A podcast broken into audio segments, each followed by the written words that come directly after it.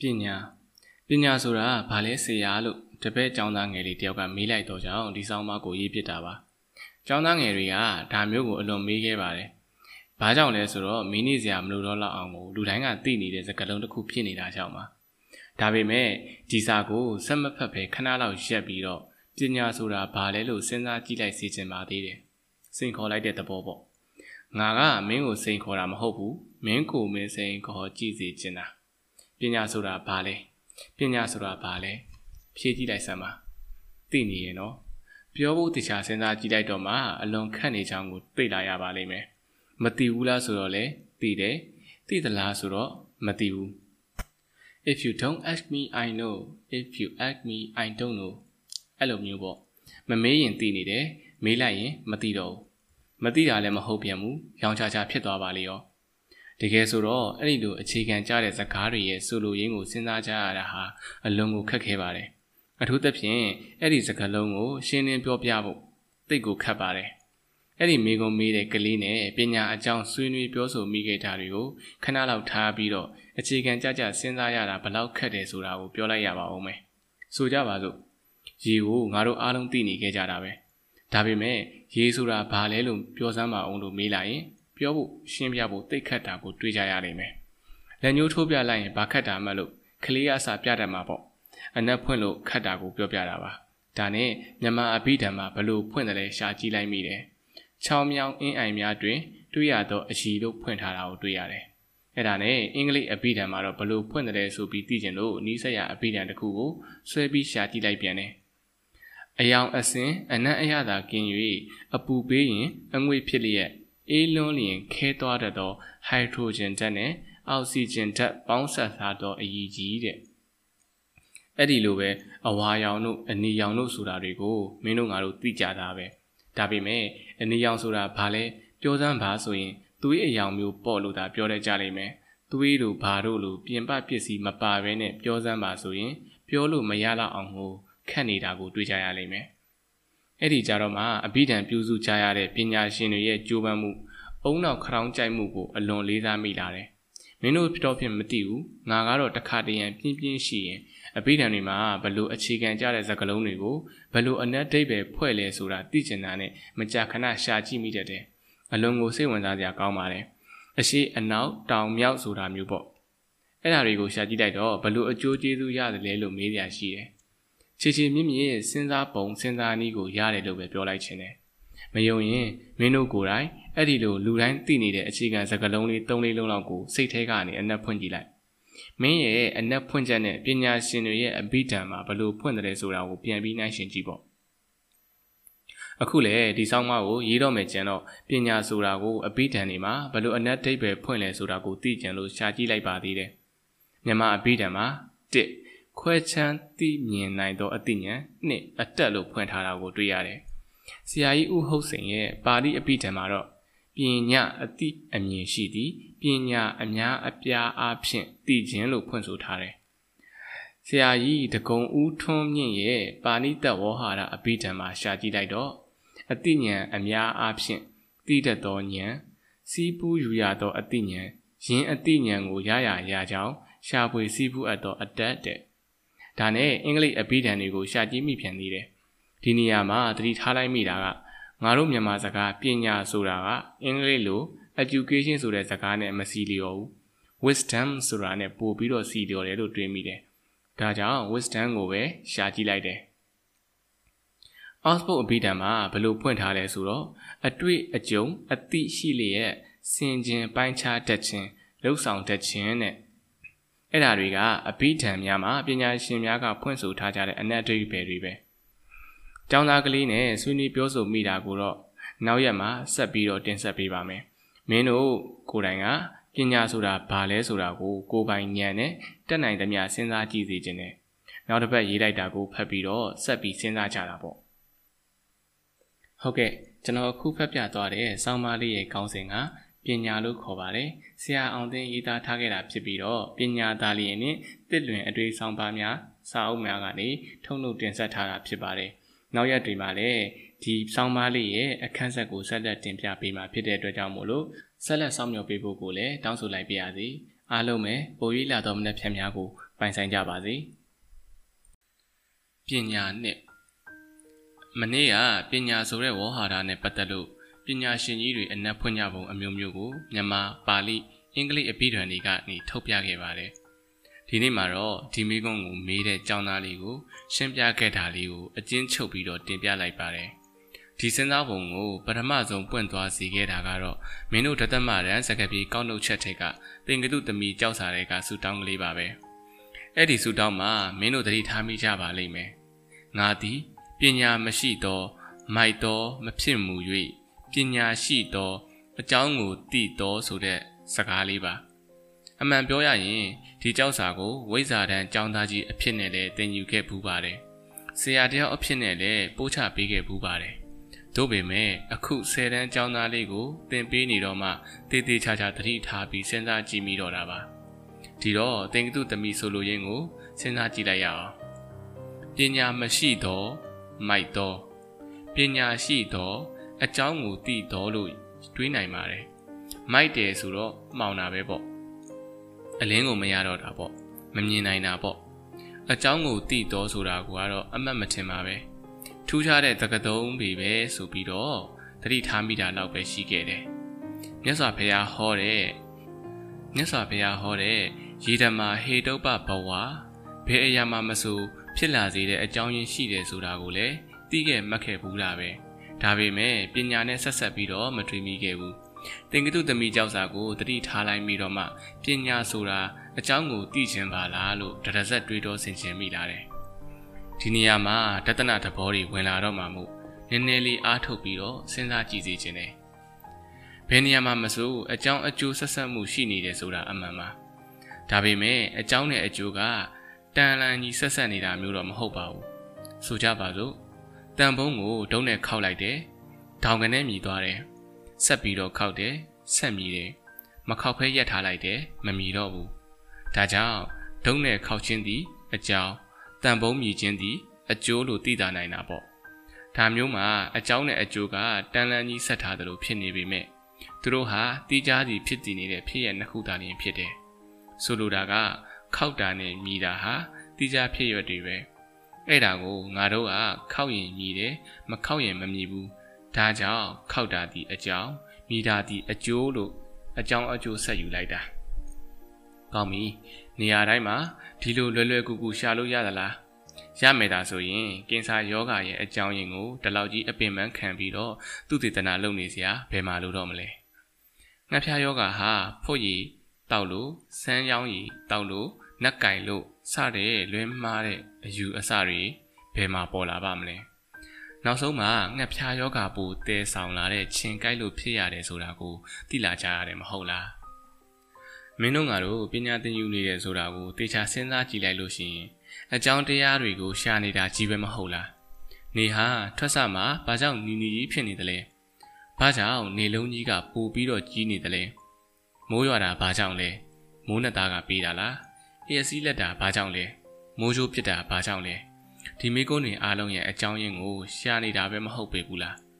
သိပ္ပံဆိုတာဒီမိကုန်းတွေကိုဖြေဖို့ကြိုးစားနေတာမဟုတ်ဘူးလားယူပဗေဒဓာတုဗေဒဆိုတဲ့ပညာရက်တွေရဲ့သင်ခန်းစာပြဋ္ဌာန်းချက်တွေကိုတေချာကြည့်လိုက်ရင်အကြောင်းကိုသိအောင်အကြောင်းကိုရှာတတ်အောင်သင်ပေးနေတာပဲမဟုတ်လားစာမေးပွဲမေးခွန်းတွေကိုကြည့်လိုက်ရင်လေအကြောင်းတရားကိုပေးထားပြီးတော့အကျိုးတရားကိုရှာခိုင်းတာမျိုး အကျိုးတရားကိုပေးထားပြီးတော့အကြောင်းတရားကိုရှာခိုင်းတာတွေပဲမဟုတ်လားသိပ္ပံပညာရက်တွေကိုတာရကသင်လိုက်ရတာဟာထင်သာမြင်သာကြောင်းမှုလို့ပြောလိုက်ရတာပါဝိဇ္ဇာပညာရက်တွေမှာလည်းဒီလိုပါပဲပထမကဘာစစ်ကြီးဖြစ်ပေါ်လာခဲ့တော့အနီးအကြောင်းရင်းအဝေးအကြောင်းရင်းတွေကိုသုံးသက်တင်ပြပါပြင်သစ်တော်လန်ရေးကြီးအဘဲကြောင့်ပေါ်ပေါက်လာတဲ့နည်းဆိုတာမျိုးတွေအကြောင်းကိုရှားတဲ့မိကွန်းတွေပဲမဟုတ်လား တကယ်ဆိုရင်ဝိဇ္ဇာဘာသာရဲ့တက်တက်ပါလို့ပြောနိုင်တဲ့ရတာစာပေလို့ဘာသာရက်တွေမှာတောင်မင်းတို့မင်းကြီးလက်ထက်က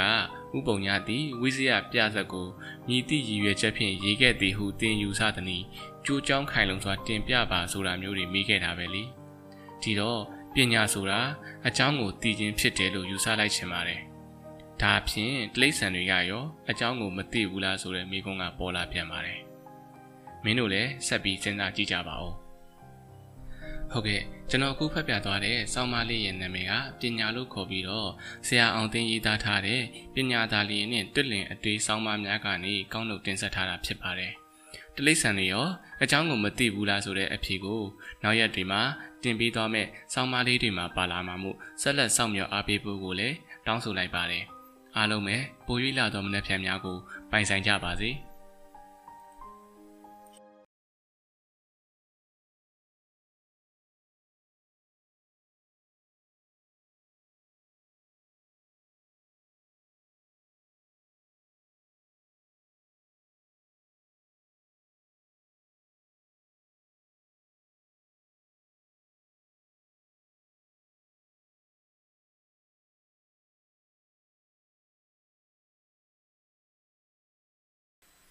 ပညာ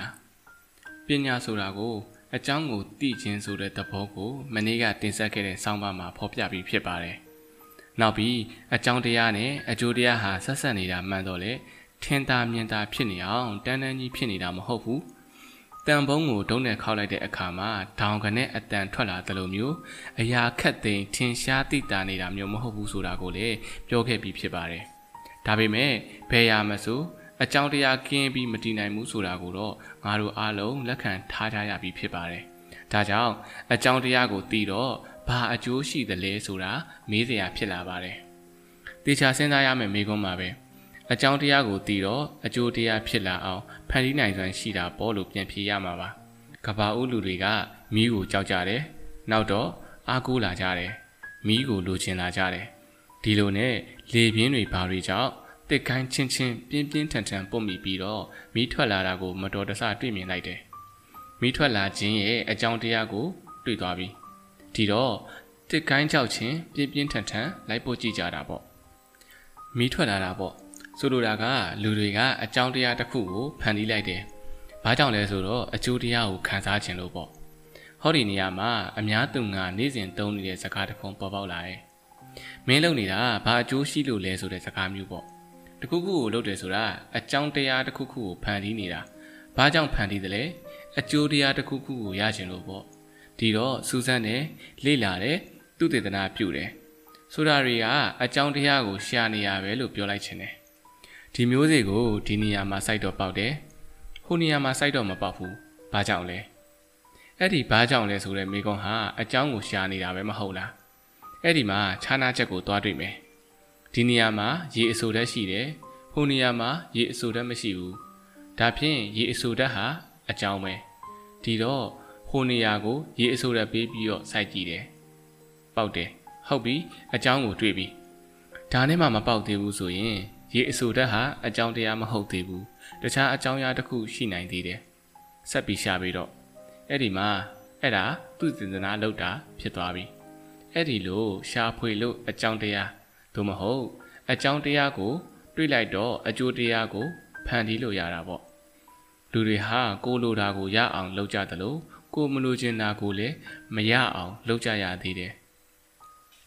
ပင်လေရေငံမဝင်မီကစပားပင်တွေတန်နေပါလေရေငံဝင်လိုက်တော့မှစပားပင်တွေတေကုန်တယ်ဒီတော့ဒီရေငံဝင်ခြင်းဟာအကြောင်းတရားစပားပင်တေကုန်ခြင်းဟာအကျိုးတရားဒီတော့အကြောင်းတရားကိုတားဆီးပစ်လိုက်တယ် ရေငံမဝင်အောင်လုပ်လိုက်တယ်အကြောင်းတရားကိုတားဆီးလိုက်တော့အကျိုးတရားဖြစ်မလာတော့ဘူးသွေးလွန်တကွေးမဖြစ်အောင်ချင်းအန်ရကိုကာကွယ်တာဟာလေအကျိုးတရားကိုမလိုချင်လို့အကြောင်းတရားကိုတားဆီးလိုက်တာပါပဲဒီလိုနဲ့တာမန်ကိစ္စတွေမှာညင်တာထင်တာရှိတော်လဲကင်ဆာယောဂဖြစ်ရခြင်းရဲ့အကြောင်းရင်းအမှန်ကိုအခုထက်ထိတိုင်ပိုင်ပိုင်နိုင်နိုင်မသိကြရသေးဘူးပညာရှင်တွေဟာအကြောင်းတရားကိုပင်ပင်ပန်းပန်းရှာနေကြရသေးပဲ။ တွေ့လိုက်တာနဲ့တပြိုင်နက်အကြောင်းတရားကိုတားဆီးကြတော့မှာပဲလူသားတွေကိုချင်းချောက်နေတဲ့ဒီယောဂလည်းဝစ်စင်းသွားရမှာပဲပလိယောဂဝမ်းယောဂကြောက်ယောဂဆိုတဲ့ကက်ယောဂကြီးတွေကိုလည်းလူသားတွေကဒီလိုပဲအကြောင်းတရားကိုတက်ပြီးတော့အကျိုးတရားကိုရှောင်နိုင်ခဲ့ကြတယ်ဒါမျိုးတွေထက်အစမတန်ခက်ခဲနှက်နေပြီးတော့တိမ်မွေးတဲ့အကြောင်းတရားရှာဖွေမှုတွေလည်းရှိနေသေးတာပဲမင်းတို့ငါတို့သိနေကြတဲ့ဖြစ်ရက်ကိုပဲတင်ပြလိုက်ရပါဦးမယ် တေတထမင်းသားဟာတောထွက်သွားတယ်။ဘာကြောင့်လဲ။အိုခြင်း၊နာခြင်း၊တေခြင်းဆိုတာတွေကိုကြောက်လို့ဒါတွေဘာကြောင့်ဖြစ်ရတာလဲဆိုတာကိုရှာဖွေခြင်းလို့တနည်းအားဖြင့်ဆိုရင်ဒါတွေရဲ့အကြောင်းတရားတွေကိုရှာကျင်လို့ပဲပေါ့နောက်ဆုံးမှာတော့တွေ့သွားတယ်တွေ့တော့ဘာပြောသလဲတန်တရားတွင်ငါဤခန္ဓာကိုဒရဇတ်ဆောက်လုပ်ခဲ့သောတဏယောက်ျားလက်သမားတင့်ကိုငါတွေ့ပြီ ငါအတွက်ခန္ဓာအစ်စ်ကိုတင်ဆောက်ခွင့်မရှိတော့ဘူးလို့ဥဒန်းကျွရင်တော်မူခဲ့တယ်ဒီဥဒန်းစကားကိုတေချာစဉ်းစားကြည့်လိုက်မယ်ဆိုရင်တန်တရားဘဝအစဉ်သည်အကျိုးတရားတဏသည်အကြောင်းတရားဖြစ်မနေပေဘူးလားအဲ့ဒီတဏကိုတားမြစ်လိုက်နိုင်ပြီလို့ဥဒန်းကျူးလိုက်ခြင်းပဲမဟုတ်လားအကြောင်းနဲ့အကျိုးကိုပိုင်ပိုင်နိုင်နိုင်သိသွားလို့အကျိုးတရားကိုမလိုချင်တော့တာကြောင့်အကြောင်းကိုတားမြစ်လိုက်ခြင်းပါပဲဒီတော့ပညာဆိုတာ အကြောင်းကိုသိခြင်းနောက်တစ်ဆင့်အကြောင်းကိုဖန်တီးခြင်းတားမြစ်နိုင်ခြင်းလို့မဆိုသင့်ပေဘူးလားငါအဆိုသင့်မသင့်မင်းတို့လည်းစဉ်းစားကြည့်ကြပါဦးနောက်ရက်တွေအတွက်ဆက်ချင်ပါသေးတယ်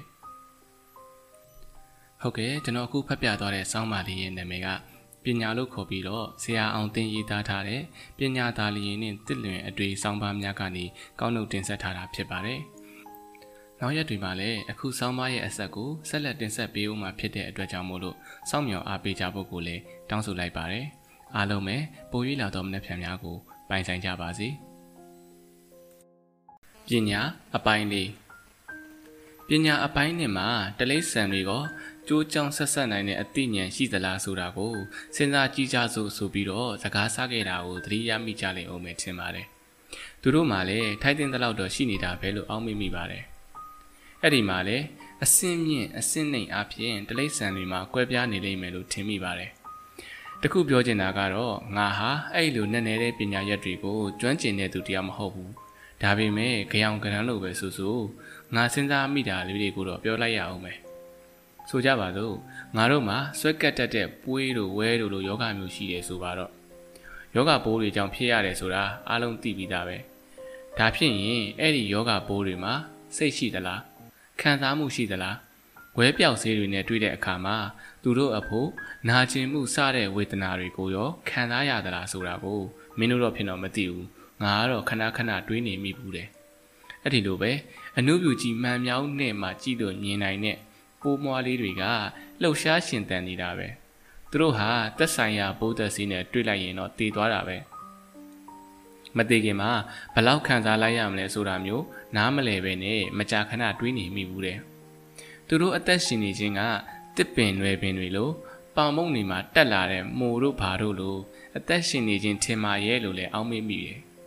ဒါလည်းငါထင်မြင်မှန်းဆချက်ကိုပြောလိုက်ရတာကိုတကယ်ဟုတ်တယ်မဟုတ်ဘူးဆိုတာကံတီကံမဘယ်မှာပြောနိုင်ပါမလဲတရဝါနဲ့တစ်ပင်ချာမှာခြားနာတဲ့စီးကလည်းအလွန်ပဲသေးငယ်ချင်းမြောင်းနေထင်ပါရဲ့ ဒါပေမဲ့အဲ့ဒီလိုအစင်းနေတဲ့တရဝါလေးတွေမှာတော့ဖြင့်ခံစားမှုမုတ်ချရှိလိမ့်မယ်လို့တော့ထင်မိတယ်သို့တော့ကြိုးကြောင်ဆက်ဆက်စဉ်းစားနိုင်ခြင်းတော့ဖြင့်မင်မေရရမရှိနိုင်ဘူးလို့အောက်မေ့မိပြန်တယ်ဒါတွေကိုပြောနေတာကငါတို့ကတလိษံလို့ခေါ်နေကြတဲ့တရားဝါတွေအကြောင်းကိုပြောကျင်လို့လို့စကားပလင်ခံနေရတာပါအလွယ်ဆုံးအနည်းဆက်ဆုံးကိုပြောရမယ်ဆိုရင်ခွေးတွေကိုကြည့်ကြည့်ခြင်းတယ်ခွေးတွေဟာအသိဉာဏ်အတော်မြင့်တယ်လို့ပြောနိုင်တယ်ဒါကြောင့် သူတို့ကို လေ့ကျင့်သင်ကြားပေးလို့ရနိုင်တယ်သူတို့ဟာကြောင်ကျိုးကိုတော်တော်ကြီးဆက်ဆက်နားလည်နိုင်တယ်စစ်ခွေးလေ့ကျင့်သင်ကြားထားတဲ့ခွေးတွေဆိုလို့ရှိရင်ပို့ပြီးတော့တောင်းမှတည်နာလည်နိုင်ကြသေးတယ်ဒီလိုပဲစင်တွေဟာလည်းနားလည်နိုင်ကြတာပဲစင်ဆိုလိုက်မှစင်ဦးစီးတယောက်ပြောဦးတာလေးကိုသတိရလာမိပြန်လို့ပြောလိုက်အောင်မယ်သူ့စင်ကညဘက်လွတ်လိုက်တဲ့အခါမှာမလန်မကန်းမှရှိနေတဲ့ကြံကင်းကိုသွားပြီးကြံချိုးစားလို့ ကြံကင်းရှင်ကတိုင်တာပေါ့ဒါနဲ့မဖြစ်ချေဘူးဆိုပြီးတော့အဲ့ဒီစင်ကိုခေါင်းလောင်းလေးတစ်လုံးလေပင်မှာဆွဲထားပေးလိုက်တယ်ကြံကင်းဘက်ကိုသူရောက်သွားတိုင်းကြံကင်းရှင်ကသိနိုင်အောင်လို့ပေါ့သိလဲသိတာပဲသိတော့မောင်းလွတ်လိုက်တာပေါ့ဒါပေမဲ့သုံးလေးရက်ရှိတော့ခေါင်းလောင်းတန်နဲ့မကြပဲနဲ့ကြံချိုးထားတာကိုတွေ့လာရပြန်တယ်စင်ဦးစီးကလည်းနားမလည်နိုင်အောင်ဖြစ်ရတယ်ခေါင်းလောင်းလေးရှိနေရဲ့ညီလဲညီနေရဲ့ပဲကို နောက်တော့မှစင်ဦးစီးကမတင်ကားလို့ခေါင်းလောင်းကိုတေချာစစ်ဆေးကြည့်လိုက်တော့မှရှွန့်စားရှွန့်နာတွေကိုတွေ့လိုက်ရတော့တယ်အဲ့ဒီတော့မှဒီကောင်ကြီးဟာညဘက်ရောက်ရင်ခေါင်းလောင်းကိုရှွန့်ဆိုပြီးတော့ကြံခိုးစားပြီးရင်ရှွန့်တွေကိုနှမောင်းနဲ့ရေမှုတ်ပြီးဆေးပစ်လိုက်လုံနေတာကိုသိလာရတယ်။လေဘင်းမှာဆွဲထားတာဆိုတော့ရေမှုတ်ပြီးဆေးတာစင်နေမစင်ဘူးမမြင်နိုင်လို့ရှွန့်အစားအနာကကြံနေတာကိုဒါကိုကြည့်လိုက်မယ်ဆိုရင်အစင်းမြင့်တိရစ္ဆာန်တွေဟာလည်း အကြောင်းအကျိုးကိုဆက်ဆက်တွေးတောပြီးတော့အသုံးချနိုင်ကြောင်းကိုသိတာလာတယ်။အဲ့ဒါမျိုးလေးတွေကိုကိုယ်တိုင်လည်းမကြာခဏကြုံတွေ့ရဘူးတယ်။စာရီထဲမှာလည်းဖတ်ရဘူးတယ်။မကြသေးမီကကြုံလိုက်ရတဲ့ကြောင်တခိုးတစ်ကောင်အကြောင်းကိုလည်းပြောပြလိုက်ရအောင်မယ်။ငါးကြော်ပကံကိုသပွဲပေါ်မှာတင်ပြီးတော့အုပ်ဆောင်နဲ့အုပ်ထားတယ်။ကြောင်မလန့်နိုင်အောင်ပေါ့။အဲ့ဒါကိုဘာလို့တလဲဆိုတော့အုပ်ဆောင်ကိုဒီအတိုင်းတွန်းသွားတယ်။ အောက်ကငါးကြော်ပကံလည်းအုပ်ဆောင်နဲ့အတူတူရွေ့ပြီးပါသွားတာပေါ့။ဇပွဲအစွန်းကိုရောက်တော့ငါးကြော်ပကံကအောက်ကိုကျသွားတာပေါ့။ဒီတော့မှငါးကြော်ကိုခြီသွားတယ်။ပကံကြတဲ့ကြလို့ပြေးကြည့်လိုက်တော့ငါးကြော်တစ်ကောင်ပါသွားပါလေရော။ရီဒါထိုင်ချက်ထဲမှာတခါကဖမ်းမိလိုက်ရတာလေးတွေကိုသတိရနေမိပြန်ပါလေ။ဆောင်းရသည်ရောက်လို့ရေတွေကခဲစာပြူလာပြီ။ဒါပေမဲ့အပေါ်လွှာလေးပဲခဲနေတာပါ။အောက်မှာတော့ရေကမခဲသေးဘူး အဲ့ဒီမှာရောဘင်ငှက်ကလေးလေးတစ်ကောင်ကရေခဲပြင်တနေရာမှာဝစ်ချလိုက်တယ်ခဏပဲတိတ်မကြလိုက်ဘူးထပြီးပြန်သွားတယ်နောက်တစ်ကောင်ကအဲ့ဒီနေရာမှာပဲထပ်ပြီးတော့ဝက်လိုက်တယ်ခဏပဲနောက်တစ်ကောင်ကရောက်လာပြီးရှင်းနီးတူလုပ်တယ်နောက်ဆုံးကျတော့ရေခဲလွာလေးကိုနှုတ်သီးနဲ့ဖောက်ခွဲလိုက်ပြီးတော့ရေတောက်ကြတော့တာကိုရေခွဲပြင်လွာလေးတွေကိုရင်ငွေ့အပူပေးပြီးပါလာသွားအောင်လုပ်လိုက်ကြတာပေါ့ပါသွားတော့မှနှုတ်သီးနဲ့ဖောက်ခွဲပြီးရေတောက်ကြတာပေါ့ ဒါဆိုရင်ဒီငှက်ကလေးတွေဟာအကြောင်းနဲ့အကျိုးကိုဆက်ဆက်သိနိုင်ကြောင်းထင်ရှားနေပြန်ပါတယ်။ပြောချင်တာကအတန်အသင့်အစင်းမြင့်တဲ့ဒလိษံတွေမှာဗီဇအသိစိတ်တာမကအကြောင်းအကျိုးဆက်ဆက်သိတဲ့စိတ်ပါရှိနေကြောင်းကိုသိတာပါတယ်။တို့ဖြစ်ပါလေရဲ့ဒလိษံတွေဟာဘာကြောင့်လူလိုတိုးတက်ပြောင်းလဲမှုဖြစ်မလာရတာလဲ။ပညာသင်ကြားမှုမရှိလို့ပါပဲလို့ဆိုရှင်မိပါတယ်။ဒါဆိုရင်ပညာသင်တယ်ဆိုတာဘာလဲ။ဆက်ပြီးတော့စဉ်းစားကြည့်ရပါတော့မယ်။ ကဲပညာသင်တယ်ဆိုတာဘာလဲစဉ်းစားကြည့်လိုက်ကြစမ်းပါဦးအနက်ဖွင့်ကြည့်လိုက်ကြစမ်းပါဦးငါပြောခဲ့တာတွေကိုလည်းသင်ဤမသင်ဤဆင်ခြင်ကြည့်ကြပါဟုတ်ကဲ့ကျွန်တော်အခုဖတ်ပြသွားတဲ့စောင်းမလေးရဲ့နာမည်ကပညာလို့ခေါ်ပြီးတော့ဆရာအောင်သိန်းရေးသားထားတဲ့ပညာတာလီနဲ့တစ်လွင်အတွေ့စောင်းပါများကနေကောက်နှုတ်တင်ဆက်ထားတာဖြစ်ပါတယ် ပညာသင်တယ်ဆိုတာဘာလဲဆိုတဲ့အဖြေကိုနောက်ရက်တွေမှာတင်ပေးမယ်ဆောင်းပါးလေးတွေမှာပါလာမှာမို့လို့ဆက်လက်ဆောင်မြော်အားပေးဖို့ကိုလည်းတောင်းဆိုလိုက်ပါရစေ။အားလုံးပဲပိုရွေးလာတော်မူတဲ့ဖြံများကိုပိုင်ဆိုင်ကြပါစေ။ပညာအပိုင်းငါပညာအကြောင်းကိုရေးခဲ့တာဆောင်းပါးလေးခုရှိသွားပြီ။ပြီးခဲ့တဲ့ဆောင်းပါးမှာတိလိษံတွေဟာလည်းကျိုးကြောင်ဆက်ဆက်နားလည်နိုင်စွမ်းထိုက်တင်တဲ့လောက်ရှိကြောင်းကိုပြောခဲ့တယ်။ ဒါပေမဲ့ဘာကြောင့်လူတွေလိုတိုးတက်ပြောင်းလဲမှုဖြစ်မလာသလဲဆိုတာကိုစဉ်းစားကြည့်ကြဖို့လည်းပြောခဲ့တယ်။အဲ့ဒါကိုစဉ်းစားလိုက်မယ်ဆိုရင်ပညာသင်တယ်ဆိုတာဘာလဲဆိုတာကစပြီးစဉ်းစားကြည့်တင်တယ်လို့လည်းအရင်တစ်ပတ်ကဆောင်းပါမှာဖော်ပြခဲ့တယ်။ဆိုတော့ပညာသင်တယ်ဆိုတာဘာလဲ။ဒီဆောင်းပါတွေရဲ့ဏ္ဍန်ပိုင်းမှာပြောခဲ့တယ်လို့ပါပဲ။မသိဘူးလားဆိုတော့လေသိနေတယ်။ သိရင်ပြောစမ်းမအောင်ဆိုတော့လေမပြောတတ်ပြန်ဘူးမဟုတ်လား။ငါစဉ်းစားမိသလောက်ကိုပြောလိုက်ရရင်တော့ပညာသင်တယ်ဆိုတာအတွေ့အကြုံလက်ဆင့်ကမ်းခြင်းဖြစ်တယ်လို့အောက်မေ့မိတယ်။ဒီကနေ့မင်းတို့တွေစာသင်ခန်းထဲမှာသင်သိသမျှပညာတွေကိုတေချာစစ်ဆေးကြည့်လိုက်စမ်းပါ။ဆိုကြပါစို့ဓာတုဗေဒမှာအောက်ဆီဂျင်အကြောင်းကိုသင်ပေးတယ်ဆိုပါတော့အဲ့ဒီဓာတုဗေဒနီးပြဆရာကသူကိုယ်တိုင်အောက်ဆီဂျင်ကိုတွေးခဲ့တာလားမဟုတ်ဘူး သူ့ဆရာကသင်ပေးလိုက်လို့သူကတက်လာတာဒါဖြင့်သူ့ဆရာကရောသူကလည်းသူ့ဆရာကတင်ပေးလို့ပဲတက်လာတာတကယ်တမ်းကျတော့မစ္စတာလဘိုင်းစီယာဆိုတဲ့ဓာတုဗေဒပညာရှင်ကတွေးခဲ့တာမဟုတ်လားသူတွေးခဲ့တာကိုတဆင့်ပြီးတဆင့်လက်ဆင့်ကမ်းပြီးယူခဲ့ကြတာမဟုတ်လားဒီလိုဆိုယူပဗေဒမှာလည်းအာခီမီဒီတွေးခဲ့တဲ့ဥပဒေသားတွေနျူတန်တွေးခဲ့တဲ့ဥပဒေသားတွေကိုလက်ဆင့်ကမ်းပြီးသင်ယူခဲ့ကြရတယ်မဟုတ်လား ဒီလိုသိပ္ပံမှာလက်တွေ့လှုပ်ဆောင်မှုလက်ဆင့်ကမ်းနိုင်တယ်လို့သမိုင်းတို့တတနိကတို့လိုရတစာပေတို့လိုအတွေးအကြံကိစ္စရပ်တွေမှာလည်းတယောက်တွေးတောကြံစားမိတဲ့အယူအဆကိုလက်ဆင့်ကမ်းနိုင်ပြန်တာပါပဲအလွယ်ဆုံးကိုပြောလိုက်ရရင်နိဗ္ဗာန်ရောက်ကြောင်းတစ္ဆာ၄ပါးကိုရှေးဦးဆုံးတွေးမြင်ခဲ့တဲ့သူဟာမြတ်စွာဘုရားပါပဲဒါပေမဲ့လက်ဆင့်ကမ်းနိုင်ခဲ့ကြလို့နိဗ္ဗာန်ပေါက်အောင် ကျင့်စဉ်ကျင့်နည်းတွေကိုဒီနေ့ဒီချိန်အထိဗုဒ္ဓဘာသာဝင်တွေကျင့်သုံးနေနိုင်ကြတာပေါ့။တန်ဃာတော်တွေရဲ့ကျေးဇူးဆိုတာလည်းအဲ့ဒါပါပဲ။ဒီပညာကြီးကိုလက်ဆင့်ကမ်းတော်မူခဲ့ကြတာကိုကောင်းပြီ။ဘာကြောင့်ဒီလိုလက်ဆင့်ကမ်းနိုင်တယ်လဲ။ဘဘာသာစကားကြောင့်ပဲဆိုတာထင်ရှားမလာပြီဘူးလားဘာသာစကားမှာတောင်အပြောတာမဟုတ်တော့ဘူးအရေးအသားပါပါလာခဲ့ကြပြီဒီနေရာမှာတလိษံတဲ့လူဟာအခြားနာကြီးခြားနာသွားတော့တာပဲ လူသမိုင်းကိုလေ့လာကြတဲ့ပညာရှင်တွေကလူတွေမိကိုတွေးရှိခဲ့လိုက်တာဟာအလွန်ကိုကြီးမားတဲ့တွေးရှိချက်ကြီးဖြစ်တယ်ဘိန်းကိုတွေးရှိလိုက်တာဟာဖြင့်အလွန်ကြီးမားတဲ့တွေးရှိချက်ကြီးဖြစ်တယ်စသဖြင့်စသဖြင့်ပြောကြဆိုကြပါတယ်ငါအသဘောအရပြောရမယ်ဆိုရင်တော့ဘာသာစကားကိုတွေးရှိလိုက်တာကအကြီးမားဆုံးသောတွေးရှိချက်ကြီးဖြစ်တယ်လို့ထင်မိတယ်တလိษံနဲ့လူကိုအဓိကခြားနာသွားစေတာကဘာသာစကားတွေးရှိချက်ကြီးပဲလို့ထင်မိတယ်တလိษံမှာ လူလိုစကားတန်ဖြစ်အင်ကစုံနေအောင်မပါဘူးဒါကြောင့်စကားမပြောနိုင်ဘူးစကားမပြောနိုင်လီတော့အတွေ့အကြုံကိုလက်ဆင့်မကမ်းနိုင်ဘူးဒီတော့တလိษံတကောင်ဟာသူ့ဘဝအတွေ့အကြုံကလေးလောက်တာတီးခွင့်ရတော့တယ်တခြားတလိษံတွေရဲ့အတွေ့အကြုံကိုတီးခွင့်မရနိုင်တော့ဘူးသူ့ဘိုးဘေးဘီပင်တွေရဲ့အတွေ့အကြုံကိုလည်းတီးခွင့်မရတော့ဘူးအခုပြောနေတဲ့အတွေ့အကြုံဆိုတာကိုပေါ့ပေါ့မထင်လေနဲ့ဖြစ်ခဲ့ဘူးတာလေးတခုကိုပြောပြလိုက်ပါအောင်မယ် တောင်တွင်းနဲ့အောင်လံမြို့ချားမှာဖြစ်ခဲ့တာလေးပါစစ်ပြီးစမှာပေါ့အဲ့တုန်းကမော်တော်ကားကြီးတွေဟာအမိုးမပါပဲကုံရောလူပါတင်ကြရတယ်ဝေးလံခေါင်ဖျားတဲ့ကြီးရွာကလူတတိုက်ကလည်းတောင်တွင်းကြီးကိုလိုက်ဖို့ကားပေါ်မှာပါလာကြတယ်ကားကမိုင်340နှုန်းလောက်နဲ့မောင်းနေတယ်အသက်၈နှစ်9နှစ်အရွယ်ကလေးငယ်လေးတယောက်ကသူ့အုတ်ထုပ်ကလေးလွင့်ကျသွားလိုက်တော့အုတ်ထုပ်ကောက်ယူဖို့ကားပေါ်ကနေခုန်ဆင်းလိုက်တာနေရာမှာတင်ပွဲချင်းပြီးဆုံးမှလေရော လူကြီးတွေကဟဲ့ဟဲ့တားချိန်မရလိုက်ဘူးသူ့စိတ်ထဲမှာနွားလဲပေါ်ကခုံချလိုက်တာလောက်သာထင်နေမှာ ਉਹ မြို့ပေါ်ကကလေးတယောက်ဆိုလို့ရှိရင်ဘယ်နည်းနဲ့မှဒီလိုလုပ်မယ်မထင်ဘူးသူကအတွေ့အကြုံရှိနေရလေခက်ငယ်ငယ်ကလေးကဟဲ့နေအောင်ကားရမဆင်းဆိုတာမျိုးကြားခဲ့ဘူးတယ်ကြုံလဲကြုံလဲရဘူးတယ်ကဲစဉ်းစားကြည့်ပေါ့အတွေ့အကြုံဆိုတာဘယ်လောက်ထိအရေးပါတယ်လဲ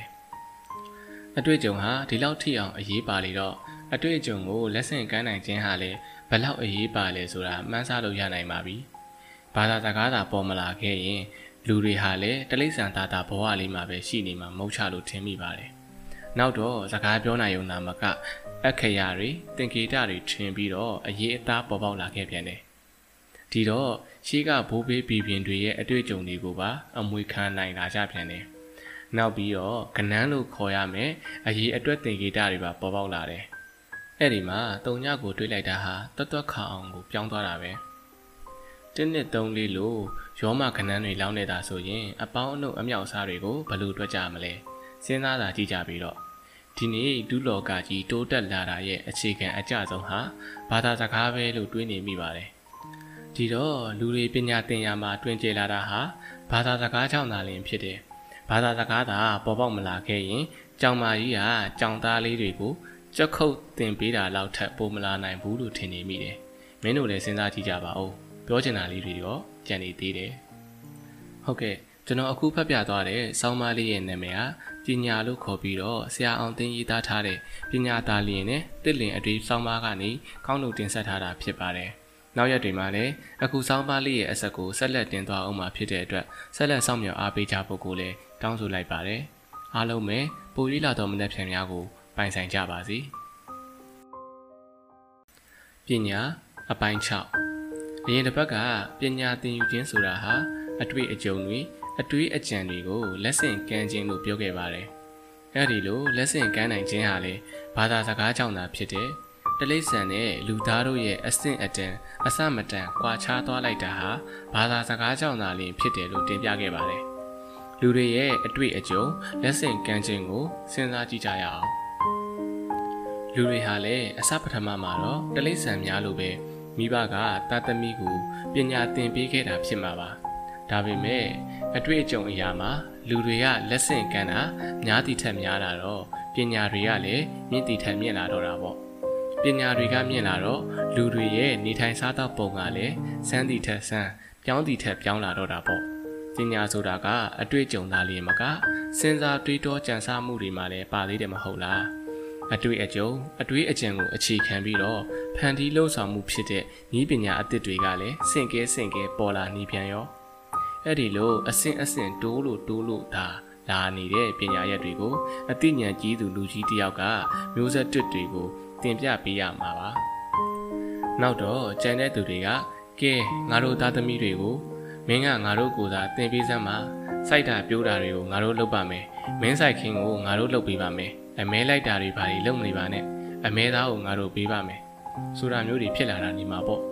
နောက်ပြီးသူတင်ပေးနေရတဲ့ကလေးတွေကလည်းသူတို့ကိုအဆအဆအရာရာတင်ပေးနေတဲ့လူကြီးကိုချစ်ကြခင်ကြမှာပေါ့အဲ့ဒီလိုနေအပြင်ဆရာဆိုတဲ့လူဒန်းသားတည်းပေါ်ပေါက်လာတယ်လို့တော့ထင်မိပါတယ်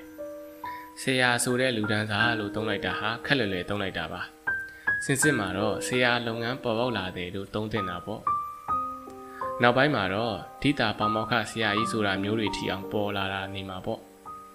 ပညာမှာလည်းအသိပညာနဲ့အတတ်ပညာဆိုပြီးတော့နှမျိုးရှိတယ်အထာရတဆက်ရှိရဆိုတဲ့စကားလုံးမျိုးတွေမင်းတို့လည်းကြားဘူးကြမှာပေါ့ဒုက္ခဒုက္ခဆိုရင်နည်းနည်းနောနောပညာတွေမှမဟုတ်တာပဲနက္ခတ်အတက်ဘေဒင်အတက်စေးအတက်လေးများအတက်တက်ကကျန်းအတက်ဆိုတာမျိုးတွေပေါ့ဒီနေရာမှာပညာလို့မခေါ်ကြတော့ပဲ အတက်လို့ခေါ်ခဲ့ကြတာကိုလည်းသတိပြုမိဖို့ကောင်းပါတယ်စဉ်းစားမိတာကတော့အကြောင်းအကျိုးရှာတာမျိုးကိုသာပညာလို့ခေါ်ကျင်ကြပြီးတော့ကျွမ်းကျင်မှုအတွက်လေ့ကျင့်ရတာမျိုးကိုပညာလို့မခေါ်ဘဲနဲ့အတက်လို့ခေါ်ခဲ့ကြလိမ့်သလားလို့ထင်မိပါတယ်နောက်ပိုင်းမှာတော့ပညာရက်တွေဟာအခက်အလက်အမွားမွားတွေကွဲထွက်လိုက်ကြတာငါတို့ခေတ်မှာတော့ဖြင့်နားမလည်နိုင်တော့အောင်ကိုဖြစ်လာနေပါပြီစေးပညာရဲ့တမျိုးတည်းမှာတောင်မှငါတို့မြန်မာတိုင်းရင်းစေးပညာမှာလဲဓာတ် ဘိန်းတော်ဆိုတာတွေအနည်းပညာဆိုတာတွေလည်းစသည်ဖြင့်မနှဲပါဘူး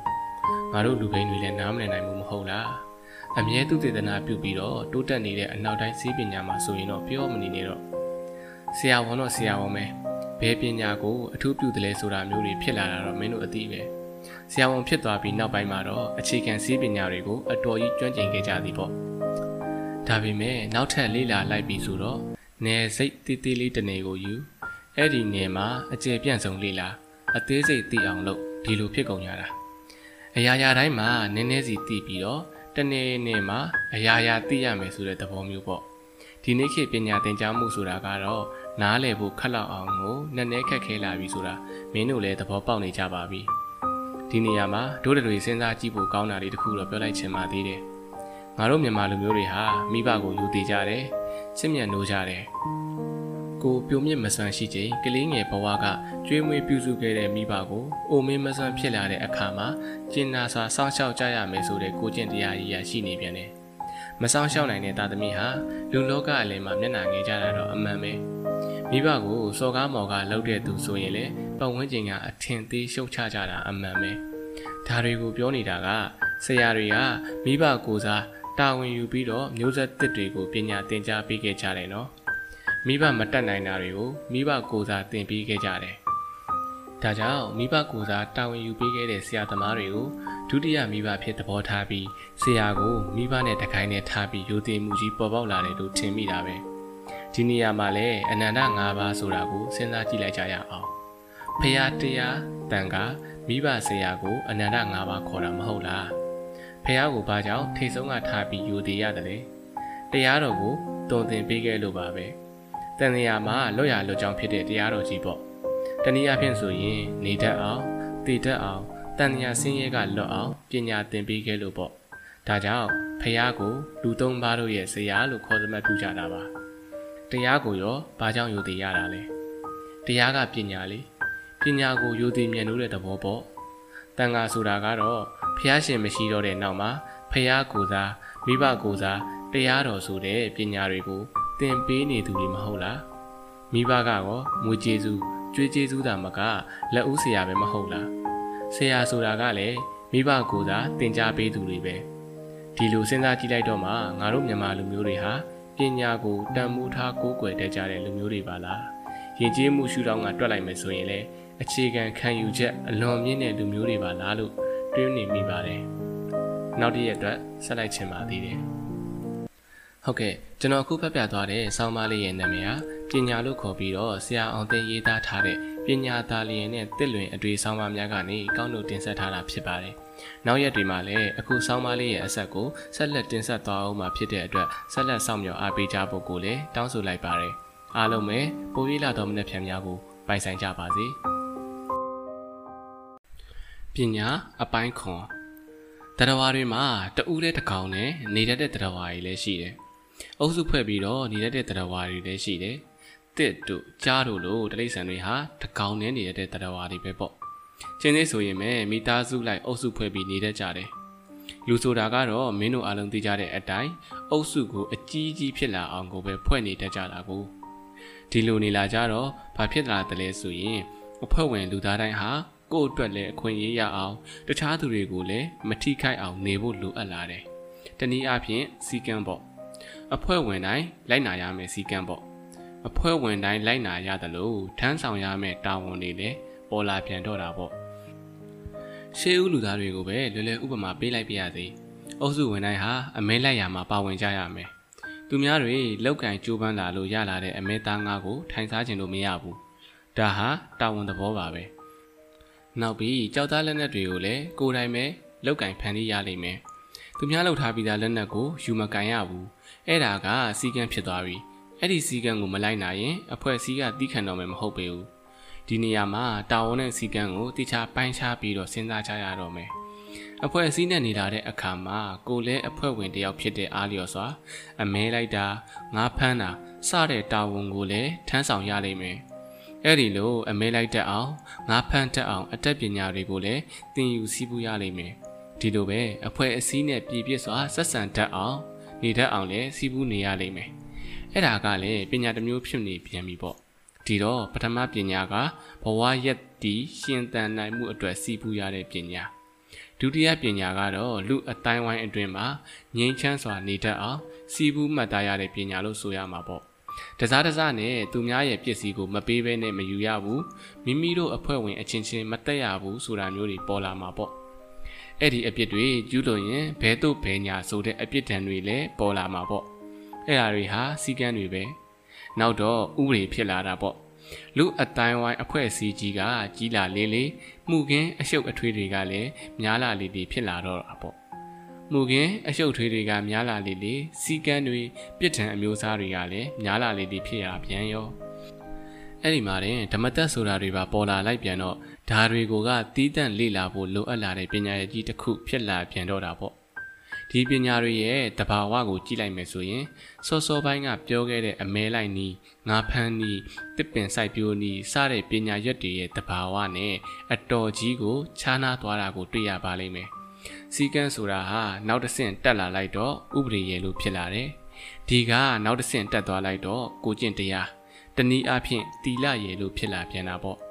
ဒီနေရာမှာတီလလို့ခေါ်နိုင်တဲ့ကိုကျင့်တရားနဲ့စီကံဥပဒေတို့ရဲ့ခြားနာချက်ကိုလည်းသတိထားမိကြပါလိမ့်မယ်။ဘလို့ပဲဖြစ်ဖြစ်ပေါ့လေ။ဒါတွေဟာလူလောကအဖွဲ့အစည်းကိုမပြိုကွဲအောင်အချင်းချင်းငြိမ်းချမ်းစွာပူးတွဲနေထိုင်နိုင်အောင်ပေါ်ပေါက်လာရတဲ့ချုပ်ချယ်မှုတွေသာဖြစ်တယ်လို့ဆိုရပါလိမ့်မယ်။လူတွေကိုအဲ့ဒီလိုစီကံမျိုးတွေအတိုင်းလိုက်နာကြအောင်စီမံဖို့ဆိုတာကလည်းတော်တော်တော့မလွဲလာပါဘူး။ သက်ဆိုင်ရာလူအဖွဲ့အစည်းအကြီးအကဲကအပြစ်ပေးမှာကိုကြောက်လို့သာသူများပစ္စည်းကိုမခိုးတာ哦လိရင်တော့ခိုးရင်ခိုးနေမှာပဲပေါ့ဥပဒေမျက်ွယ်ရောက်ရင်လှုပ်ချင်ရလှုပ်မှာပဲပေါ့ကိုကျင့်တရားဆိုတာကကြတော့အဲ့လိုမဟုတ်တော့ဘူးကိုကိုတိုင်ကကိုပဲလိုလိုကျင်ရှင်နဲ့လိုက်နာကျင့်သုံးရမယ်တရားဖြစ်လာပြီစိတ်ကြွယ်ရမှာမရှိတဲ့တရားဖြစ်လာပြီတမိုင်းဆရာကြီးတွေရဲ့အလိုအရာတမိုင်းခေဦးကလူတွေဟာသူတို့စိုးရင်ထိတ်လန့်ရတဲ့မီးတို့လေတို့ရေတို့ မိုးကြိုးတို့ကိုနတ်တပွဲကြောက်ရွံ့ယိုသေးခဲ့ကြတယ်ဒါကြောင့်မီးနဲ့ကိုမြစ်ကိုကိုးကွယ်ကြတယ်။အဲ့ဒီနောက်မှာတော့ကိုကျင်တရားဖောက်ဖျက်ရင်ဒီလိုနဲ့မြင်းကြီးတွေကအပြစ်ပေးတယ်ဖမ်းစားတယ်ဆိုတာမျိုးတွေပေါ်ပေါက်လာတယ်။ဤနည်းအားဖြင့်လူတွေဟာကိုကျင်တရားကိုမဖောက်ဖျက်ဝန်းညံ့အောင်ကြိုးစားထိမ့်သိမ်းခဲ့ကြရတယ်။အုတ်ချုပ်သူတို့ကိုယ်တိုင်ကလည်းအဲ့ဒါကိုယုံကြည်ခဲ့ကြရတယ်။လိပ်ပတ်မလဲသေးပါဘူး။နောက်ရက်ကျတော့ဆက်ကြအောင်ဆိုရဲ့။ ဟုတ်ကဲ့အခုကျွန်တော်ဖတ်ပြသွားတဲ့ဆောင်းပါးလေးရဲ့နာမည်ကပညာလို့ခေါ်ပြီးတော့ဆရာအောင်သိန်းရေးသားထားတဲ့ပညာသားလေးနဲ့တစ်လွင်အတွေ့ဆောင်းပါးများကနေကောက်လို့တင်ဆက်ထားတာဖြစ်ပါတယ်။နောက်ရက်တွေမှာလည်းအခုဆောင်းပါးရဲ့အဆက်ကိုဆက်လက်တင်ဆက်အောင်မှာဖြစ်တဲ့အတွက်ဆက်လက်ဆောင်မြော်အားပေးဖို့ကိုလည်းတောင်းဆိုလိုက်ပါတယ်။ရခင်ကတင်ဆက်ခဲ့တဲ့ဆောင်းပါးများကိုပြန်လည်ကြည့်ရှုခြင်းနဲ့ဆိုရင်တော့ဒီဗီဒီယိုရဲ့ description မှာစူးစီးပြီးတော့ထည့်ပေးထားပါတယ်။အားလုံးပဲပို၍လာတော်မူတဲ့ဖြန်များကိုပိုင်ဆိုင်ကြပါစေ။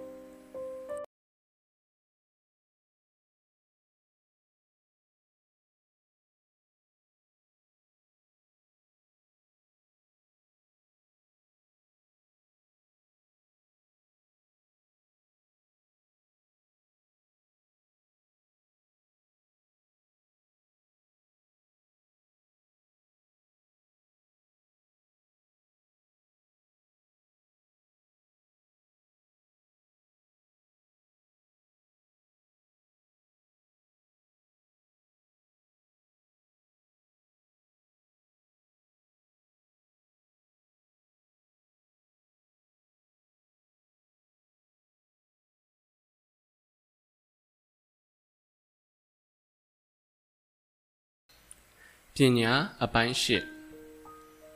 အရင်တစ်ပတ်ကလူတွေဟာအဖွဲ့အစည်းနဲ့နေတတ်ကြတဲ့တရားဝါတွေဖြစ်ကြလေတော့အဖွဲ့အစည်းအတွင်းမှာအများနဲ့လိုက်ရောညီထွေနေတတ်ဖို့ပညာကိုလည်းနားလေသိမြင်ဖို့လိုအပ်တယ်ဆိုတဲ့အကြောင်းကိုရေးခဲ့ပါတယ်။စီကံတို့ဥပဒေတို့ကိုကျင့်တရားတို့ပေါ်ပေါက်လာပုံကိုလည်းပြောပြခဲ့တယ်။ဒီတော့အကျဉ်းအဖြစ်ခွဲခြားကြည့်မယ်ဆိုရင်နံပါတ်1အသားငါ တစ်တီးတစ်ပွင့်ကစပြီးတော့စားဝတ်နေရေးပစ္စည်းတွေကိုရအောင်ရှာဖွေဖန်တီးတဲ့ပညာရဲ့နံပါတ်နဲ့အဖွဲ့အစည်းအတွင်းမှာလူအလုံးငြိမ်းချမ်းစွာပူးတွဲနေထိုင်နိုင်အောင်စီစဉ်တဲ့ပညာရဲ့လို့နှစ်မျိုးခွဲခြားနိုင်လိမ့်မယ်လို့ထင်ပါတယ်။ကုန်ပစ္စည်းထုတ်လုပ်မှုပညာဆိုတာကတော့အထူးပြောစရာလိုတော့မယ်မထင်ပါဘူး။စားဝတ်နေရေးပစ္စည်းတွေတီထွင်ထုတ်လုပ်ခြင်းပဲလို့ဆိုလိုက်ကြပါစို့။အဲလူမှုရေးမှာကြတော့ဖြင့်ပြဿနာတွေကအများကြီးဖြစ်လာကုန်ပြီ။သူတစ်ပါးပစ္စည်းခိုးတာတွေ သူတစ်ပါးသားမယားကိုခိုးတာတွေစတဲ့တဦးချင်းပြဿနာတွေကနေစပြီးတော့အများဆိုင်ပြဿနာတွေထိအောင်ရောက်လာတာကိုအဲ့ဒီအထက်မှာအရေးအပါဆုံးပြဿနာကတော့ငါစိတ်ထင်ပြောရမယ်ဆိုရင်အဲ့ဒီဖန်တီးထားတဲ့စားဝတ်နေရေးပစ္စည်းတွေကိုခွဲဝေသုံးစွဲမှုပြဿနာလို့ထင်နေမိတယ်လွယ်လွယ်ဥပမာပေးလိုက်ရရင်တော့မင်းတို့လည်းကြားဘူးကြမှာပါမြေခွေးတစ်ကောင်ကငကြင်းတစ်ကောင်ကိုဖမ်းနေကြိုက်တခြားမြေခွေးတစ်ကောင်ကလည်းဝင်ကူလိုက်တာကြောင့်ငကြင်းကိုရတယ် ဒီတော့အမိပိုင်းခေါင်းပိုင်းကိုသူရားထိုက်တယ်ငါရားထိုက်တယ်ပဏိပခဖြစ်ကြတဲ့ပုံမြင်လေးလို့ပေါ့ပြောလိုက်ရရင်တော့ဒီပုံမြင်ကလေးဟာဘာမှမဟုတ်တယ်လို့ပဲဒါပေမဲ့ဒီကနေ့လူသားတွေရဲ့ပြဿနာတွေစစ်ဖြစ်ရတာတွေစီးပွားရေးစီမံကိန်းတွေဆိုတာဟာခွဲဝေသုံးဆဲမှုမှာမကြည်နဲ့တာကြောင့်ဖြစ်ပေါ်လာတာကြီးပဲတေချာစဉ်းစားလိုက်မယ်ဆိုရင်သိတာနေတယ်ကုံကုံပြောလိုက်ပြရစီကွယ်ဒီကဘာမြေကြီးဟာအားလုံးလူသားတွေပိုင်တာပါပဲ ဒါပေမဲ့ဒီမြေကိုပဲဟိုနေရာကနေဒီနေရာထိငါပိုင်နေသူပိုင်နေဖြစ်နေကြတယ်မဟုတ်လားတူတူပြောလိုက်ရရင်စီးပွားရေးစနစ်ဆိုတာနိုင်ငံရေးစနစ်ဆိုတာတွေဟာကုန်ပစ္စည်းထုတ်လုပ်ရေးခွဲဝေသုံးစွဲရေးစနစ်တွေသာဖြစ်နေတယ်ဒီတော့ကုန်ပစ္စည်းထုတ်လုပ်ရေးနဲ့ခွဲဝေသုံးစွဲရေးဘယ်ဟာကပိုအရေးကြီးလဲဆိုတာကိုစဉ်းစားကြည့်မိပြန်တယ်လူသားတွေရဲ့ကုန်ပစ္စည်းထုတ်လုပ်မှုဟာလူသားတွေအားလုံးအတွက်လုံလောက်အောင်ထုတ်ပေးနိုင်ကြတယ် တခါကဆိုရင်ဘောဂဗေဒပညာရှင်တွေဟာလူမှုရေးတိုးတက်လာနှုန်းနဲ့ရိတ်ခါထုတ်လုပ်မှုနှုန်းကိုနှိုင်းယှဉ်ပြီးတော့လေ့လာခဲ့ကြတယ်။ရိတ်ခါအထွက်တိုးနှုန်းဟာပေါင်းပွားခိန်းနဲ့ပဲတိုးတက်တယ်။ဆိုလိုတာကတော့2 4 6 8 10ဆိုတာမျိုးနဲ့တိုးတယ်ပေါ့။လူဦးရေတိုးနှုန်းကတော့မြောက်ပွားခိန်းနဲ့တိုးတယ်တဲ့။ဆိုလိုတာက2 4 16 256ဆိုတာမျိုးတိုးနေတယ်။ ဒါကြောင့်ကဘာကြီးဟာမကြခင်မှာအငတ်ပေးဆက်ရတော့မယ်လို့ဟောကိန်းထုတ်ခဲ့ဦးတယ်။ဒါပေမဲ့သူတို့ဆိုရင်တော့ဖြစ်မလာခဲ့ဘူး။ဘာကြောင့်လဲဆိုတော့တိုးတက်လာတဲ့သိပ္ပံပညာကလည်းရိခါပိုထွက်လာအောင်လုပ်ပေးနိုင်ခဲ့တယ်။ဆိုကြပါစို့ဓာတ်မြေဩဇာဆိုတာမျိုးတွေထုတ်လုပ်ပေးနိုင်ခဲ့တယ်။သီးနှံမျိုးကောင်းမျိုးသစ်တွေပေါ်ထွက်လာအောင်လှုပ်ဆောင်ပေးနိုင်ခဲ့တယ်။တွင်တွင်ကြဲကြဲစိုက်ပျိုးနိုင်အောင်ရန်ရရားတွေတည်ထွင်ပေးနိုင်ခဲ့တယ် ဒီလိုပဲတလိษံတာငါမွေးမြူရေးတွေကိုတိုးတက်ဖွံ့ဖြိုးလာအောင်လည်းလုပ်ပေးနိုင်ခဲ့တယ်။အဲ့ဒီအပြင်အသီးအနှံတာငါတွေကိုလည်းကြာရှည်ထားလို့ရအောင်မပုတ်မတိုးအောင်လုပ်ထားတဲ့နီးတွေစီသွန်နီးတုံလောင်နီးတွေယိုထိုးနီးစတာတွေကိုလည်းတီထွင်နိုင်ခဲ့ကြတယ်။ဒီလိုပဲအဝတ်စားနဲ့ပတ်သက်လာရင်လည်းဝါခွန်းတို့ပိုးမြင်တို့ဒါမကပဲ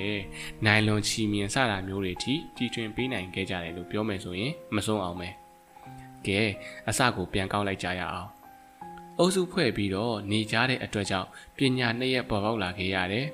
ကုံထုတ်လို့မှုပညာရဲ့နဲ့အတူတွဲနေထိုင်မှုပညာရဲ့မဟုတ်လားဒီတော့လူတွေဟာစာဝတ်နေရေးပညာရဲ့မှာကြည်နဲ့လောက်အောင်တိုးတက်လာခဲ့ကြတော့လေအတူရှင်တွဲနေထိုင်မှုပညာရဲ့မှာတော့ကြည်နဲ့လောက်အောင်မတိုးတက်လာခဲ့ဘူးလို့ဆိုရတော့မယ်။ ဘာကြောင့်လဲဆိုတော့နေမြေလူရဲမှုတွေဖြစ်တာစစ်ပွဲကြီးတွေဖြစ်ရတာတွေကအတူတွဲပြီးတော့ငင်းချမ်းစွာနေတတ်တဲ့ပညာမရကြလို့ပဲဆိုတာထင်ရှားမနေပေဘူးလား။ဒီနေရာမှာလူသားစားလူရိုင်းတယောက်နဲ့လူရင်ကျေးလူဖြူတယောက်စကားပြောကြတာကိုလည်းတွားသတိရမိတယ်။လူရင်ကျေးကပြောတယ်မင်းတို့လူတွေကိုဘာကြောင့်တတ်တာလဲတဲ့။လူသားစားဖို့တတ်တာပေါ့မင်းတို့လည်းစစ်ဖြစ်တော့တတ်တာပဲမဟုတ်လားတဲ့။တတ်တယ်တဲ့ ဒါပေမဲ့တို့ကမင်းတို့လူရိုင်းတွေလိုအသားမစားဘူးတဲ့ဟာငါတို့ကအသားစားခြင်းလို့တတ်တာမင်းတို့ကအသားစားတာလည်းမဟုတ်ပဲတတ်တတ်တတ်နေကြတာမင်းတို့ကမှရိုင်းတာဟာရုတ်တရက်ကြည့်လိုက်တော့ဟာတာကလေးတစ်ခုလိုဖြစ်နေပြီမယ်တကယ်စဉ်းစားကြည့်လိုက်လို့ရှိရင်ငါတို့လူသားတွေဟာရိုင်းနေသေးတာတော့အမှန်ပဲဆိုတာပေါ်လွင်စေတယ်ဒီလိုဘာကြောင့်ဖြစ်လာရတယ်လဲဆိုတာကိုတေချာစစ်ဆေးကြည့်လိုက်မယ်ဆိုရင်လောဘဒေါသ မောဟတွေကြောင့်ဖြစ်တယ်ဆိုတာတွေ့လာရပြန်တာပဲဖုန်းတကိုကြီးမြင့်ခြင်းတဲ့ရှင်ဘရင်တွေကြောင့်စစ်ကြီးတွေဖြစ်ခဲ့ရတယ်ဩဇာကြီးခြင်းတဲ့ဟစ်တလာတို့လိုအာနာရှင်ကြီးတွေကြောင့်စစ်ကြီးတွေဖြစ်ခဲ့ရတယ်ချမ်းသာမှုမှာမယောင်ရဲနိုင်တဲ့အရင်းရှင်ကြီးတွေရဲ့ဈေးကွက်နယ်ချဲ့လိုမှုကြောင့်စစ်ကြီးတွေဖြစ်ခဲ့ရတယ်။ကိုးကွယ်တဲ့ဘာသာရေးယုံကြည်မှုကြောင့်စစ်ကြီးတွေဖြစ်ခဲ့ရတယ်။ဒါတွေရဲ့အကြောင်းရင်းကိုရှာဖွေလိုက်မယ်ဆိုရင် လောဘ ဒေါသမောဟကိုပဲပြန်ပြီးတော့တွေးရပြန်တော့တာပဲ။လောဘဒေါသမောဟကိုနေပါစေတဲ့ပညာရေးကိုငါတို့လူသားတွေအခုထက်ထိအောင်မြင်အောင်မထူထောင်နိုင်ကြသေးဘူး။ဘာကြောင့်လဲဆိုတာကိုဆက်ပြီးတော့ဆွေးနွေးချင်ပါသေးတယ်။ပညာအပိုင်းကိုအရင်နေ့ကလူတွေဟာငြိမ်းချမ်းစွာရှင်တွဲနေထိုင်တဲ့အကြီးအသွေးနှဲပါခဲ့မှုကြောင့်စစ်ကြီးတွေဖြစ်လာရကြောင်းကိုပြောခဲ့ပါတယ်။ ဒါတွေရဲ့အကြောင်းရင်းတွေကိုစူးစမ်းကြည့်လိုက်မယ်ဆိုရင် လောဘဒေါသမောဟအကြောင်းခံတွေကြောင့်ဖြစ်ကြောင်းကိုလည်းပြောခဲ့ပါတယ်။ဘာကြောင့်လဲဆိုတော့လောဘဒေါသမောဟကိုနေပါစေတဲ့ပညာရေးကို လူတွေက မထူထောင်နိုင်ကြသေးဘူးလို့လည်းပြောခဲ့ပါတယ်။သိပ္ပံစတဲ့ပညာရေးမှာလူတွေဟာကြောက်ခမန်းလိလိတိုးတက်လာခဲ့ပါလေရဲ့နဲ့ဘာကြောင့်ဒီလိုဖြစ်ရပါသလဲ။အဲ့ဒါနဲ့ပတ်သက်ပြီးစဉ်းစားမိသမျှကိုလည်းပြောလိုက်ချင်ပါသေးတယ်။ ပညာသင်တယ်ဆိုတာအတွေ့အကြုံလက်ဆင့်ကမ်းခြင်းဖြစ်တယ်လို့ရှေ့ပိုင်းမှာဆိုခဲ့ပါတယ်။အာခီမီဒီတို့နျူတန်တို့ဟာသူတို့ရဲ့အတွေ့အကြုံကိုလက်ဆင့်ကမ်းပေးနိုင်တယ်သူတို့အတွေ့အကြုံကိုအခြေခံပြီးတော့ရှေ့ကိုတလန်းလန်းနိုင်တယ်ကိုဘဝရဲ့တစ်ကနေပြန်စားဖို့မလိုတော့ဘူးဒါပေမဲ့လူရဲ့စိတ်တန်တမ်းမှာပါလာတဲ့လောဘဒေါသမောဟတွေကကဘာဦးလူသားနဲ့ဒီနေ့လူသားဟာဘာမှခြားနာမသွားဘူး ဒီနေ့မွေးကင်းစားကလေးတယောက်နဲ့ကဘာဦးကမွေးကင်းစားကလေးတယောက်နဲ့ဟာလဲဘာမှမခြားနာသွားဘူးအတူတူပဲဒါပေမဲ့သူတို့ဟာပညာသင်လာရတယ်အတွေ့အကြုံလက်ဆင့်ကမ်းယူလာရတယ်ဒီနေ့ကလေးငယ်တွေလည်းလက်ဆင့်ကမ်းပြီးပညာတွေကိုယူနေရတာပဲဒါပေမဲ့ငါတို့ခေတ်ကကလေးတွေကကာကြီးခါခွေကိုအသက်ထွင်နေဖို့မလိုတော့ဘူးတင်ချာဆိုရင်လည်းကနန်းတွေကိုကြံစတီထွင်နေဖို့မလိုတော့ဘူးရှေးကလူကြီးတွေထွင်ထားခဲ့ပြီးသားကိုပဲ အသင့်ယူပြီးတော့သုံးနိုင်ကြတယ်ဆိုလိုတာကရှေ့ပိုင်းကလူသားတွေထင်လာခဲ့တဲ့မြတ်ကိုလက်ဆင့်ကမ်းပြီးတော့အစင်သင့်အသုံးပြုနိုင်ကြတယ်ဒါပေမဲ့ခက်နေတာကရှိရှိရလူကြီးတွေရဲ့အတွေ့အကြုံအသိပညာအတတ်ပညာတွေသာကြံရစ်ခဲ့ပြီးတော့သူတို့ရဲ့ဘဝအတွေ့အကြုံကနေရလာခဲ့တဲ့သဘောထားကြီးမှုတီးခံခွင့်လွှတ်နိုင်မှုစိတ်ထားရင်းကျက်မှုတွေဆိုတာကိုတော့ကြံရစ်ခဲ့တာမဟုတ်ဘူး။နောက်မှမွေးလာတဲ့လူကအသစ်အဖြစ်နဲ့ပဲမွေးလာတာ။ ဒီတော့လူတွေရဲ့အတတ်ပညာတွေအသိပညာတွေဟာတမိုင်းတစ်လျှောက်မှာတစ်နေ့တခြားမြင့်တက်လာတော့လေပဲလူသားတွေရဲ့နှလုံးသားကတော့အငြင်းတန်းတစ်ကကြီးပဲပြန်ဆနေရတာလို့ဆိုရမှာပေါ့အဲ့ဒီလိုအစ်စ်မွေးပြီးတစ်ကဆလာရတဲ့လူသားမှာပါလာတဲ့အတွင်းစိတ်တန်တန်ကိုရှင်းကျက်လာအောင်တနည်းအားဖြင့်မွေးရပါလောဘဒေါသမောဟတွေကိုနူးညံ့သွားအောင်ပညာပေးတုံသင်ဖို့လူတွေဟာအစွမ်းကုန်တော့ကြိုးစားကြတာပါပဲ လူသမိုင်းတစ်လျှောက်မှာအဲ့ဒီလိုလုပ်ငန်းမျိုးကိုအစွမ်းကုန်ကြိုးစားခဲ့တဲ့သူတွေကဗုဒ္ဓမြတ်ရှင်တို့လိုခရစ်တော်တို့လိုတမန်တော်မူဟာမတ်တို့လိုဘာသာရေးခေါင်းဆောင်တွေပဲဖြစ်တယ်။သူတို့တွေဟာလူသမိုင်းတစ်လျှောက်မှာပေါ်လာသမျှယဉ်ကျေးမှုအသီးအပွင့်တွေမှာအမြင့်မြတ်ဆုံးအသီးအပွင့်တွေပဲဖြစ်တယ်။သူတို့ရဲ့နောက်လိုက်ပြီးသားတဲ့တပည့်ကြီးများဟာမွေးရပါလောဘကိုတက်နိုင်သမျှနှဲပါစေပြီးတော့လောဘရဲ့ဆန့်ကျင်ဘက်ဖြစ်တဲ့ ပေးကမ်းလူဒန်းခြင်းစွန့်ကြဲခြင်းဆိုတဲ့လုပ်ငန်းကြီးတွေကိုလုပ်ကြတယ်။မွေးရပါဒေါသကိုနူးညံ့စေပြီးတော့ဒေါသရဲ့ဆန့်ကျင်ဘက်ဖြစ်တဲ့မေတ္တာကရုဏာလုပ်ငန်းတွေကိုလှုပ်ဆောင်တတ်ကြတယ်။မွေးရပါမောဟကိုတွန်းလှန်နိုင်အောင်လို့တရားအထုတ်ခြင်းဖရာသခင်ရဲ့အဆုံးအမကိုနှလုံးသွင်းခြင်းနဲ့စိတ်ကိုကြည်လင်အောင်ငြိမ်းချမ်းအောင်အားထုတ်ကြတယ်။ငါဟာဗုဒ္ဓဘာသာဝင်တယောက်ဖြစ်ပါတယ်။ ဒါပေမဲ့တခြားဘာသာရေးခေါင်းဆောင်တွေကိုလည်းတွေးလိုက်မိတိုင်းအလုံးကိုကြည်ညိုခြင်းဖြစ်မိပါတယ်။ဆရာပါတကူပြောလို့ရှိတဲ့ဇာကားလေးတစ်ခုကိုတတိယမိပြန်တယ်လူတယောက်ကိုသူအကဲခတ်တဲ့စံပေတံကအများအတွက်ဘလောက်လှုပ်ပေးတယ်လဲဆိုတဲ့ပေတံမှာပဲတဲ့ဆရာပါတကူဟာရဟန်းဖောင်မှာတော်တော်ကြာကြာကြီးနေခဲ့ဘူးတယ်ဆိုတာလူတိုင်းသိပါတယ်ရဟန်းဖောင်မှာသူမပျော်ပိုက်နိုင်တော့လို့လူထွက်လာခဲ့တယ်ဒါပေမဲ့ဖះရှင်ရဲ့အဆုံးအမဟာ သူ့မှာရိုးဆွဲသားဆွဲပါလာနေတော့တယ်လူဝက်ကြောင်ဖြစ်လာတဲ့တိုင်အောင်စိတ်နေစိတ်ထားမှာဖះရှင်ရဲ့အလိုတော်ကြဖြစ်အောင်နေထိုင်ကျင့်သုံးခြင်းတယ်။ကဲကြည်စံဗုဒ္ဓမြတ်ရှင်ဟာအံ့ဩစရာမကောင်းပေဘူးလား။အဲ့ဒီလိုပဲခရိယန်ဘာသာရေးခေါင်းဆောင်တွေဟာလူမှုဝန်ထမ်းလုပ်ငန်းတွေကယ်ဆယ်ရေးလုပ်ငန်းတွေ အနာကြီးယောဂါတဲ့စတဲ့ခိုးကိုးရမယ်ဖြစ်နေတဲ့သူတွေကိုကျင်ကျင်နာနာစောင့်ရှောက်နေတဲ့လုပ်ငန်းတွေကိုလုပ်ကင်နေကြတာမြင်လိုက်ရရင်စိတ်ထဲမှာဘလို့ကြည်ညိုမိမှမသိဘူးဒါတွေဟာခရစ်တော်ရဲ့ကျေးဇူးတော်ပဲလို့ခရစ်တော်ကိုလည်းကြည်ညိုမိပြန်တာပဲလူတွေရဲ့စားဝတ်နေရေးကိုတိုးတက်မြင့်မားလာအောင်အဖက်ဖက်ကနေအကူအညီအပေးတီထွင်လှုပ်ဆောင်ခဲ့တဲ့သိပ္ပံပညာရှင်စတဲ့ပုဂ္ဂိုလ်ကျော်တွေပါရမီရှင်တွေကိုတကယ်ပဲချီးကျူးအံ့ဩမိတာအမှန်ပါပဲ ဒါပေမဲ့လူတွေရဲ့မွေးရပါလောဘဒေါသမောဟတွေကိုနှုံသွားအောင်မေတ္တာစိတ်ဂရုဏာစိတ်တွေပေါ်ပေါက်လာအောင်လှုပ်ပေးတော်မူခဲ့တဲ့သူတို့ရဲ့ကျေးဇူးကိုတကယ်ကိုလေးလေးနက်နက်ဆင်ခြင်မိပါတယ်။သိပ္ပံလိုပညာမျိုးတွေကတဘာဝလောကဓာတ်ကြီးကိုအောင်နိုင်အောင်ကြိုးစားရတာပဲမဟုတ်လား။ဗုဒ္ဓမြတ်ရှင်တို့ခရစ်တော်တို့ကတော့ပင်ကိုအားဖြင့်အလွန်ကိုမိုက်မောင်ရိုင်ဆိုင်လာတဲ့လူတို့ရဲ့နှလုံးသားကို ဖြူစင်ယဉ်ကျေးအောင်အဆုံးအမပေးတော်မူကြတာပဲမဟုတ်လားဒီလိုတွေးလိုက်ပြီးတော့မှမြတ်စွာဘုရားသခင်သည်အင်္ဂုလိမာလခိုးသူအားယဉ်ကျေးစေတော်မူသည်ဆိုတဲ့စကားသုံးကိုအရသာပို့လို့တွေ့လာမိပြန်တယ်အားလုံးကိုပြန်ပြီးချုပ်လိုက်မယ်ဆိုရင်ပညာဆိုတာဟာအကြောင်းကိုသိခြင်းပါပဲအကြောင်းရင်းကိုသိတော့တစုံတစ်ခုသောအကျိုးတရားကိုရအောင်ဖန်တီးနိုင်တယ် မလိုလားသောအကျိုးတရားကိုလည်းဖြစ်မလာအောင်အကြောင်းတရားကိုပိတ်ပင်တားဆီးနိုင်တယ်။ဒါကြောင့်ပညာသင်ကြားရတယ်။ပညာသင်တယ်ဆိုတာအတွေ့အကြုံကိုလက်ဆင့်ကမ်းတာပဲဖြစ်တယ်။လူတွေမှာဘာသာစကားပေါ်ပေါက်လာခဲ့လို့ပညာသင်ကြားမှုဟာတွင်ကျယ်ပြီးတော့ခီးရောက်လာခဲ့ရတယ်။ဒါကြောင့်လူလောကကြီးမြင့်မားတိုးတက်လာခဲ့တယ်။လူတွေရဲ့စာဝတ်နေရေး တိုးတက်မှုဘက်ကနေမြင့်မားစွာတိုးတက်လာခဲ့သလားလူသားအချင်းချင်းငြိမ်းချမ်းစွာပူးတွဲနေထိုင်မှုအတွက်ပညာကနောက်ကျကျန်ရစ်ခဲ့ပြန်တယ်တခြားပညာရက်တွေကိုအမွေဆက်ခံဖို့လွယ်ပေမဲ့လူသားတွေကအသစ်မွေးလိုက်တိုင်းတစ်ကနေပြန်ပြီးတော့စနေရတာဖြစ်တဲ့အတွက်သူတို့ရဲ့လောဘဒေါသမောဟတွေကိုရော့ပါအောင်လုပ်ဖို့အလွန်ကိုခက်ခဲနေတယ် ဒါတွေကိုမြင့်မြတ်တဲ့သူတော်စင်ခေါင်းဆောင်တွေသူတို့ရဲ့တာဝကကြီးတွေကလှုပ်ဆောင်ပေးနေကြပြန်တယ်။လူလောကမှာပေါ်လာခဲ့သမျှယဉ်ကျေးမှုတွေထဲမှာအမြင့်မားဆုံးသောယဉ်ကျေးမှုအသီးပွင့်တွေပဲဖြစ်တယ်။ငါတင်ပြတာတွေကိုမင်းတို့လူငယ်တွေလည်းဆက်ပြီးတော့ချင့်ချိန်သုံးသပ်ကြပါအောင်။ဟုတ်ကဲ့ကျွန်တော်အခုဖတ်ပြသွားတဲ့စောင်းမလေးရဲ့နာမည်ဟာပညာလို့ခေါ်ပြီးတော့ဆရာအောင်သိန်းရေးသားထားတဲ့ပညာသားလျင်နဲ့တစ်လွင်အတွေ့စောင်းပါများကနေကောက်နှုတ်တင်ဆက်ထားတာဖြစ်ပါတယ်။ ပညာဆောင်မလေးကိုအပိုင်း၉ပိုင်းခွဲပြီးတော့တင်ဆက်ခဲ့ရမှာအခုအပိုင်းကတော့နောက်ဆုံးအပိုင်းပဲဖြစ်ပါတယ်အားလုံးပဲပို၍လာသောမနစ်ဖြန်များကိုပိုင်ဆိုင်ကြပါစေ။